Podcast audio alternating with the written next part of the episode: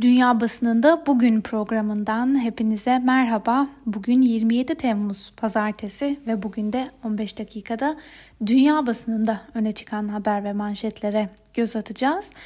Bugün bültenimize bir kez daha Amerikan basınıyla başlayalım. New York Times gazetesi bugün gündemine ABD'de devam eden protestoları ve polis müdahalelerini taşımış. Buna göre Başkan Donald Trump Perşembe günü yaptığı açıklamada Seattle'da federal polis varlığını arttıracağını açıklamış ve bu durumda yerel yetkililer ve protestocular arasında tepkiye neden olmuştu. Bunun üzerine cumartesi günü ABD genelindeki ırkçılık karşıtı protestolarda Seattle ve Portland şehirlerinde göstericilerle polis çatışmak zorunda kaldı. Teksas'ta bir protestocu hayatını kaybetti ve Colorado eyaletinde de bir kişi aracını göstericilerin üzerine sürdü. Gazeteye göre ABD hükümeti Portland'da yoğun bir güç ve hakimiyet denemesi yaptı. Ancak Portlandlılar da e, federal polisi orada istemediklerini ve buna direneceklerini de çok net bir şekilde gösterdiler. Öbür taraftan bir kez daha e, diğer şehirlere de sıçrayan protestolar durumu kontrol altına aldığını düşünen yerel yöneticiler içinde bir ikilem ve zorluk yarattı. Gazeteden Charles Blow ise bugünkü köşe yazısında Trump'ın bu sert politikasını şu sözlerle değerlendirmiş. İşte Trump'ın başı çaresizce dertte olduğunda tam da böyle adımlar atıyor ve böyle bir politika izliyor. Voice of America'da aynı konuyu gündemine taşımış. Seattle'daki gösteride onlarca gözaltı başlıklı habere göre ABD'de ırkçılığa ve polis şiddetine karşı Mayıs sonundan bu yana yapılan protesto gösterileri devam ediyor. Cumartesi akşamı Seattle'da son haftaların en kalabalık siyahların hayatı önemlidir gösterilerinden biri düzenlendi. Portland kentinde federal güvenlik güçlerinin varlığı ve göstericilere sert müdahalesi Seattle'daki gösterinin de tetikleyicisi oldu. Polis Twitter'dan yaptığı açıklamada 45 kişinin gözaltına alındığını açıkladı. Sıradaki haberimize geçelim. Biden'ın icraat planları tartışma konusu başlıklı habere göre 3 Kasım'da ABD'de yapılması planlanan genel seçimlerde Trump'ın rakibi olan Joe Biden'ın ülkeyi daha iyi yapalım adını taşıyan icraat planı Amerika'da yıllardır görülmeyen çok kapsamlı bir federal girişim olacak. Ancak eski başkan yardımcısı Biden partisinin evrensel sağlık sigortası ve federal istihdam taahhütleri gibi daha ilerici politika önerilerini de desteklemiyor. Ancak Biden'ın en az 6 trilyon dolara mal olacak icraat planlarının Amerika'nın mevcut bütçe açığını daha da derinleştireceği ve ekonomik toparlamanın da önünü keseceği iddiaları gündeme getiriliyor. Uzmanlar Biden'ın ekonomik planlarının vergileri arttıracağını ve hükümetin önümüzdeki 10 yıl içinde trilyonlarca dolar harcama yapmasına yol açacağını vurguluyor. Amerika'da bütçe açığının yıl sonuna kadar 3 trilyon 700 milyar dolara ulaşmasının beklendiği bir dönemde Biden'ın ekonomi planlarının ne kadar destek bulacağı da tartışılıyor. Ancak demokrat adayın danışmanları uzun vadeli programların ağırlıklı olarak zenginlere uygulanacak vergi arttırımlarıyla karşılanabileceğini söylüyorlar. Öbür taraftan habere göre ABD Başkanı Donald Trump ise Biden'ın bu icraatlarını eleştirirken korona salgınının yarattığı ekonomik kayıpla mücadele için uzun vadeli bir plan da henüz açıklamadı. Bu haberin ardından Washington Post gazetesiyle devam edelim. ABD'nin küresel pozisyonu düşük bir seviyede hatta salgın durumunu daha da kötüleştirdi başlıklı habere göre. ABD Başkanı Trump'ın salgını ele alış biçimi ve bununla mücadele biçimi ulusal bir birliktelik yerine bölünmeye ve kargaşaya yol açtı. Öbür taraftan Trump'ın liderlik kapasitesi sadece kendi ülkesinde değil, küresel çapta da sorgulanmaya başlandı. Küresel topluluk üst üste yaşanan krizlere karşı küresel işbirliği için çağrıda bulunduğu bu dönemde ABD'nin izlediği yol tekrar tekrar sorgulanıyor ifadelerine yer verilmiş. Bültenimize İngiliz basınıyla devam edelim. The Guardian dün dikkat çeken bir haber paylaştı. Buna göre geçtiğimiz hafta Rusya'nın İngiltere'de yapılan Brexit referandumuna müdahale ettiği iddia edilmişti. Moskova iddiaları reddederken İngiltere'de de muhalefet söz konusu raporun kamuoyu ile paylaşılmasını talep etmişti. The Guardian'da bugün yer alan habere göre de Observer için yapılan bir ankete göre İngiliz seçmeninin %49'u Kremlin'in Brexit referandumuna müdahale ettiğine inanıyor. Öbür taraftan yine ankete göre halkın %47'si de Putin hükümetinin İngiltere'nin 2019'daki genel seçimlerine müdahale ettiğini ve sonucu etkilediğini düşünüyor. Sıradaki haberimize geçelim. BBC bugün ABD başkanlık seçimlerini gündemine şu başlıkla taşımış. Trump anketlerde Biden'ın gerisindeyken demokratlar neden korkuyor? E, habere göre ABD'de başkanlık ve kongre ara seçimlerine yaklaşık 3,5 ay kala Başkan Donald Trump kamuoyu yoklamalarında demokrat rakibi Joe Biden'ın 8 ila 15 puan gerisinde. Normal olarak böyle bir farkın kapanması çok zor ancak ABD siyasi kültürel iklimi normalden de çok uzak. Bu nedenle de Demokrat Parti yönetimi Trump'ın 2016'da olduğu gibi kamuoyu yoklamalarını yalancı çıkararak ikinci kez kazanmasından korkuyor. Parti yetkilileri Biden'ın da dile getirdiği gibi Trump'ın seçimleri dolaylı olarak çalmasından ve o sırada yaşanacak siyasi krizin yaratacağı tehlikelerden de çekiniyor. Ve aynı konuyu gündemine taşıyan Independent'ta öne çıkan haberi de sizlere aktaralım. 5 maddede ABD başkanlık yarışı başlıklı habere göre ABD'de 3 Kasım'da yapılacak başkanlık seçimine 100 günden az bir süre kalmışken Demokrat Partili Joe Biden kamuoyu yoklamalarında lider durumunda. CNN'den Harry Anton kaleme aldığı analizde Biden'ın başkanlığa daha yakın olmasını 5 nedene dayandırdı.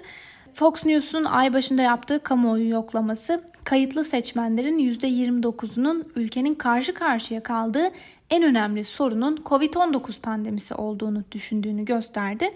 Aynı ankette ekonomiyi en önemli konu olarak görenler %15'te kaldı. Ülkenin yakın tarihinde yapılan seçimlerde ana gündemi ekonomi olmayan az sayıda başkanlık seçimi vardı. Ancak Kasım ayı itibariyle koronavirüs pandemisinde daha olumlu değişimler yaşanırsa Trump ikinci dönemi için yeniden başkan seçilebilir. Şu anda Trump'ın halk nezdindeki kabul oranı %40 düzeyinde. Trump'ın görev tarzından hoşlanmayanların oranı ise %55 seviyesinde. 1940 yılından beri hiçbir başkan bu derece düşük bir kabul oranıyla Beyaz Saray'da bir dönem daha kazanamadı. Biden'ın tüm kamuoyu yoklamalarında 8 ila 12 puan arasında önde olduğu görülüyor. Bu önemli bir fark 1940'tan beri yapılan başkanlık seçimlerinin aynı dönemine bakıldığında anketlerdeki bu fark oranı 10 puan seviyesindeydi. Biden 2016 yılındaki demokrat aday Clinton'a kıyasla çok daha iyi bir durumda. Biden %44 oy almış Clinton'ın aksine %50 seviyesinin de üzerine çıkmış durumda. ABD'nin bir sonraki dönem başkanı e, Biden ya da Trump olacak. Biden şu anda açık şekilde favori aday olsa da Trump'a karşı zaferi henüz kesin değil ifadelerine yer verilmiş. BBC'de yer alan bir diğer habere göre de Polonya hükümetinin İstanbul Sözleşmesi'nden çekileceğini açıklaması ülke çapında protesto gösterilerine neden oldu. İktidar partisi sözleşmeyi geleneksel aile değerlerine karşı olarak görüyor ve bunun üzerine ülkedeki binlerce kadın kararı protesto etmek üzere sokaklara döküldü. Başkent Varşova'daki protesto gösterisinde Reuters'a konuşan organizatörlerden Marta Lempart, amaç aile içi şiddeti yasal hale getirmek dedi. Öbür taraftan Polonya Adalet Bakanı Ziobre ise ülkedeki iç hukukun kadınları şiddetten korumak için yeterli olduğunu da savundu. Alman basınından Deutsche Welle aynı haberi gündemine şu sözlerle taşımış. İstanbul Sözleşmesi'ne Polonya'dan darbe, Polonya'da iktidarda olan aşırı muhafazakarlar Katolik aile geleneklerine aykırı olduğu gerekçesiyle İstanbul Sözleşmesi'nden çekilmeye hazırlanıyor ve bu da Avrupa'da bir ilk. Bu haberin ardından yine Deutsche Welle'de yer alan bir diğer haberle devam edelim. Doğu Akdeniz ve Ege'de artan gerilim Türkiye ile Yunanistan arasında askeri çatışma endişesini de beraberinde getirdi. Almanya'nın önde gelen Türkiye uzmanlarından Günter Soyfert e, bölgede askeri çatışma ihtimalini ve Erdoğan gerçekten de Yunanistan ile bir savaşı göze alabilir mi sorusunu Deutsche Welle'ye şu sözlerle değerlendirdi. Erdoğan'ın askeri anlamda iğne batırma politikalarını sürdüreceğinden yola çıkabiliriz.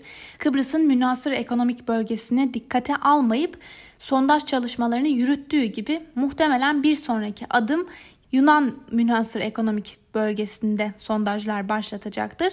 Ama bu nedenle bir savaş çıkıp çıkmayacağı da Yunanistan'ın nasıl davranacağını ve Türkiye'yi müzakere teklif edip etmeyeceğine Ayrıca Avrupa Birliği ve özellikle de ABD'nin takınacağı tutuma bağlı. Sonuçta Yunanistan'da Türkiye'de NATO üyeleri ve büyük NATO ülkelerinin bu noktada ara bulucu olarak devreye girmesi gerekir.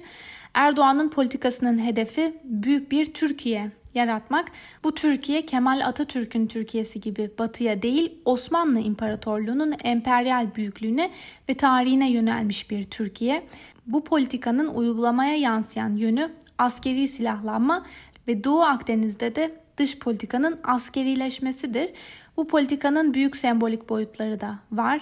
Ayasofya'nın camiye dönüştürülmesi de bunlardan biri. Ve yine Alman basınından Die Welt'te Almanya'nın tartıştığı zorunlu testleri gündemine taşımış. Haberde ise şu ifadelere yer veriliyor. Evet korona testleri herkes için olmalı ve mutlaka ücretsiz sağlanmalı ama bu süreçte kesinlikle gönüllülük esas alınmalı. İspanya'nın önde gelen gazetelerinden biri olan El Pay dün dikkat çeken bir haber paylaştı. E, salgından ağır darbe alan ülkelerin başında gelen İspanya'da şu ana kadar 28 bin kişinin virüs sebebiyle hayatını kaybettiği açıklanmıştı. Ancak gazete ülkedeki koronavirüs kaynaklı e, ölümlere ilişkin gerçek sayıyı araştırdı ve gazetenin istatistik incelemeleri sonucunda İspanya'daki ölü sayısının resmi rakam olan 28 binden %60 oranında daha yüksek olduğu sonucuna varıldı. İsrail basınından Yerusalem Post gazetesi Türkiye çifte yaptırım tehdidiyle karşı karşıya başlıklı bir haber paylaştı. Habere göre Türkiye'nin Rus silahlarını satın alması ve Kıbrıs açıklarında da sondaj çalışmaları yapması batılı müttefiklerini kızdırdı. Türkiye Cumhurbaşkanı Recep Tayyip Erdoğan ülkeyi batının yörüngesinden gittikçe uzaklaştırdığı bu süreçte batılı müttefiklerinden de yeni yaptırım tehditleriyle karşı karşıya. Erdoğan geçtiğimiz hafta Ayasofya'yı camiye dönüştürerek ibadete açacaklarını duyurmasından bu yana Yunanistan'la arasındaki gerilim de bir kez daha tırmanmıştı. Ancak analistler Erdoğan'ın dış politika çizgisini değiştirmeye ikna olmasının da pek mümkün olmadığı görüşünde. Bu haberin ardından Rus basınından Moscow Times ile devam edelim. Moscow Times bugün Kremlin'e duyulan öfke Rus uzak doğusunda yaşanan son zamanların en büyük ve en geniş çaptaki direnişine dönüşüyor başlıklı bir haber paylaştı. Bu habere göre Rusya'nın uzak doğu şehri Habarovsk'ta on binlerce kişi bölge valisi Sergey Furgal'in 2005 yılında azmettirdiği ileri sürülen cinayetler nedeniyle tutuklanmasını protesto ediyor. Başka kentlerde de yapıldığı belirtilen protesto gösterileri Kremlin'e karşı bir başkaldırış olarak yorumlanıyor. Rusya'nın soruşturma komitesi Furgal'in 2004 ve 2005 yıllarında uzak doğudaki birkaç iş adamının öldürülmesiyle bağlantılı olduğunu duyurmuştu. Fakat suçlamaların politik olduğunu ve yargı sürecinin çok uzun sürdüğünü belirten protestocular bizim seçtiğimiz vali dedikleri Furgal için adil yargılanma çağrısında bulunmaya da devam ediyorlar. Rus basınının ardından Çin basınından Global Times'ta öne çıkan bir haberle devam edelim. ABD ve Çin arasındaki gerilim dinmedi. ABD'nin Houston'daki Çin konsolosluğunu kapattırma kararı almasının ardından Çin Dışişleri Bakanlığı Amerikalı federal güvenlik güçlerinin konsolosluğa uygunsuz bir şekilde girdiğini iddia etti. Öte yandan Çin de Chengdu'daki Amerikan konsolosluğunun 72 saat içinde boşaltılmasını istemişti. Bunun üzerine Chengdu'daki ABD konsolosluğunda bayrak yarıya indirildi ve Çin'de konsolosluğu böylece resmen devraldı. Ve son olarak Arab News'a göre Irak'ta son haftalarda koronavirüs vakalarında yaşanılan artış nedeniyle Kurban Bayramı'nda sokağa çıkma yasağı ilan edildi. Irak Ulusal Sağlık Yüksek Komisyonu tarafından yapılan açıklamada 30 Temmuz tarihinden 9 Ağustos tarihine kadar Kurban Bayramı boyunca kapsamlı bir sokağa çıkma yasağı uygulanacağı da duyuruldu. Sevgili Özgürüz Radyo dinleyicileri, bu haberle birlikte bugünkü programımızın da sonuna geldik. Yarın aynı saatte görüşmek dileğiyle. Hoşçakalın.